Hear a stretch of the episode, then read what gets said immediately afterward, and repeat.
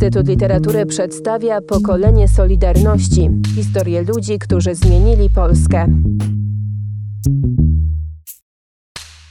Mamy ten rok 80, Solidarność, e, potem rok 81, kiedy to wszystko już zaczyna bardzo gęstnieć.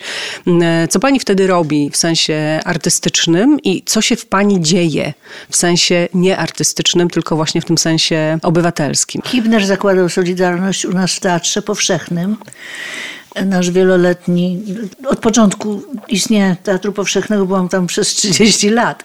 Hibner zakładał, pamiętam niesłychaną uroczystość, którą zrobił dla wszelkich pracowników, przecież teatr ma jeszcze też pracowników rozmaitych, cywilnych i Technicznych, cywilnych to oznacza technicznych, y, księgowość i tak dalej, no wszystkich Krawcowe. tych, którzy pracują właśnie w teatrze, a nie tylko sami aktorzy. Tak. tak. I Wszyscy ci ludzie siedzą y, w naszej sali, naszej sali widowiskowej i Hibner mówi, że to wielka chwila, że to nie jest takie zwyczajne zapisanie się do zwyczajnego związku zawodowego, tylko to jest coś nadzwyczajnego. I tak to podkreślił. Myśmy wszyscy się zapisali wtedy do Solidarności, ale fakt ten był jak msza po prostu y, y, i byliśmy członkami Solidarności. No tak to było. Tak się zapisałam do Solidarności. No dobra, no ale zapisałam się i co dalej? Co dalej? No co dalej? Jak to powiedzieć? Ja już sama nie wiem. Zakochana byłam w Wałęsie. Występowaliśmy na przykład z Rin, świętej pamięci, e, e, z Egidą. Mm, występowaliśmy w różnych miejscach. Ona mówi, ty chodź, idziemy do Lecha. I poszliśmy do Wałęsy. Ona miała ten adres. Iśmy tam poszły potajemnie, nie mówiliśmy nic Jankowi ani nikomu sieńku. Wpuszczono nas tam, podjęto, byłyśmy bardzo przejęte. Y, był tam jeszcze ktoś, ale to nie był ten kapuś, który tam potem był przy Wałęsie. Mam trochę zdjęć nawet stamtąd. Mam takie zdjęcie z Wałęsą, żeśmy sobie zrobili. I myśmy chciały go zaprosić na nasz program. O to tylko chodziło. Dostaliśmy herbatę w koszyczkach i na nasz program. Na co on mówi, nie, nie mogę przyjść, ponieważ jeżdżą za mną wszędzie, pilnują mnie i ściągną wam nieszczęście na głowę. Na co wchodzi Danusia Wałęsowa, pani Danuta Wałęsowa z maleńkim dzieciaczkiem tutaj. Tak słucha, słucha i mówi, pójdziesz, Lechu, pójdziesz. I Lechu poszedł, że tak powiem, usiadł przejęty bardzo. Ksiądz. Yy, Jankowski? Tak, obok niego siedział. W ogóle zresztą bardzo jemu dużo zawdzięczam. To, te, tego, co dzięki niemu też yy, się takie trochę mu zrobili twarz, przyprawili jakoś zupełnie inną niż dla mnie był ten ksiądz Jankowski. To było fenomenalne. Myśmy tam występowali u niego rzeczywiście i te takie co miesięcznicę żeśmy tam odbywali. No i Lechu poszedł, no i był, no i już. O, y, nie mam puenty do tego. Nie, no ja pytam o, o pewien rodzaj może rozbudzonego jakiegoś entuzjazmu, no, ale też o to, co wtedy na przykład graliście w teatrze.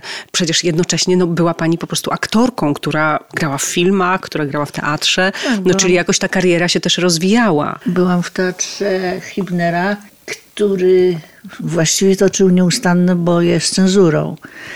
No i Przykładem na to jest na przykład wszystkie spektakle zarezerwowane, spektakl Barańczaka, Zagajewskiego, Kornhausera i tak dalej. Walka z cenzurą, żeby to pokolenie 80 mogło stać się przedmiotem naszego spektaklu. Bo to był spektakl... Kelus grał, śpiewał u nas nawet wtedy, także to przedstawienie to był, co to był za klimat na widowni, jak już w końcu myśmy to grali. Wszyscy... Bo to, to był spektakl, który był taką jasną, wyraźną odpowiedzią na to, co się dzieje w kraju. Tak, tak, tak, tak. No i oczywiście od razu nam to zdjęto, jak tylko przyszedł stan wojenny, więc to jest taka, no w każdym razie ta ludność, która przychodziła, żeby tego posłuchać, przynosili wtedy żonkile, bo to publiczność wyrażała no, akceptację. A to nie, w zasadzie to żonkile to było już na bojkot odpowiedź szczerze mówiąc, a bojkot to był... Bojkot to dalsze sprawy, zaraz do niego dojdziemy. Sprawy, tak. Mhm. W każdym razie byli tak szczęśliwi z tego powodu, że, że słyszą tych poetów i ten Kelus wszystko razem. Także no to tyle. No, mieliśmy ciągłe wrażenie, że zdobywamy y, Mont Blanc, y, jak nam pozwalają grać różne rzeczy. To się zawsze działo nie bez walki ogromnej i, i grzecznym udawaniu, że, że cenzor zawsze ma rację. No i tyle mogę powiedzieć. No dobra, co się działo w garderobie? O czym gadaliście? Czy wszyscy byli tak samo podekscytowani? E... Nie, nie tak samo. Ale byliśmy wszyscy właściwie podlegli Kibnerowi, który miał bardzo określony akowski pogląd na sprawę. Do, do tego stopnia go szanuję, że nasze maleńkie dziecko, które mam tu przed sobą, ochrzcił Himner, będąc niewierzącym. Także no mam nawet takie zdjęcie, jakby pani go zobaczyła, tego Hibnera przejętego tym dzieciaczkiem, po prostu naszym. Powiedział mi ksiądz, że to matka chrzestna musi spełnić wszystkie Pokładane obowiązki. w niej, tak, tak. rozumiem. Mhm. Bo ja tak jakby małego bojownika chciałam mieć w postaci mojego syna, czyli takiego właśnie Hibnera.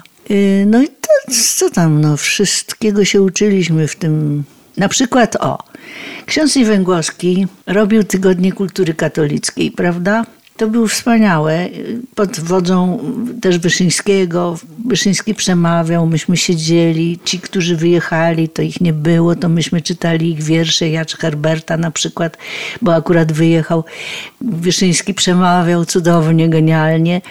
Kościół przygarniał nas. To była wielka jego rola, bo byliśmy na noże trochę z ustrojem. Wobec powyższego można było zawsze tam przyjść.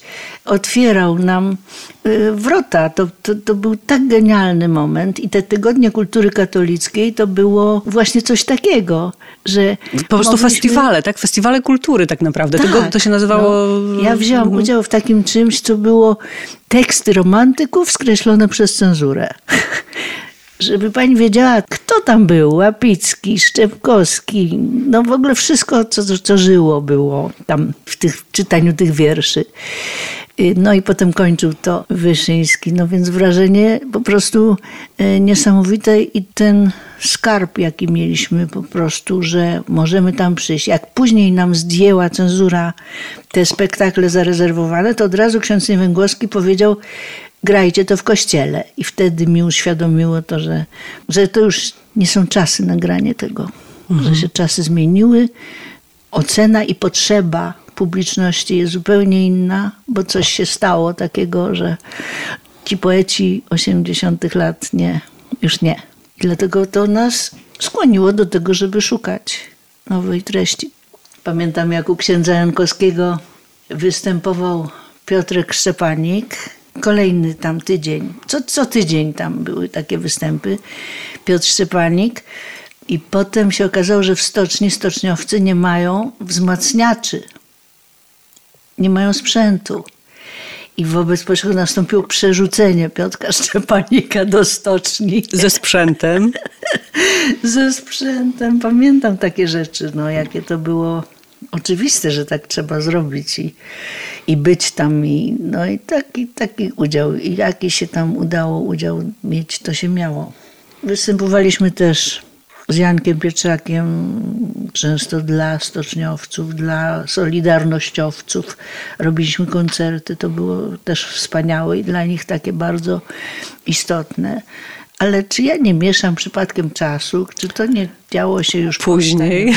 No, to nie wiem, bo nagle się speszyłam, że kopalnia wujek, no to kiedy? E, no to już jest stan wojenny, no, to, już jest, e, to już jest grudzień. No dla wojkowców żeśmy występowali. No to czyli to musiało już być dużo później. No właśnie.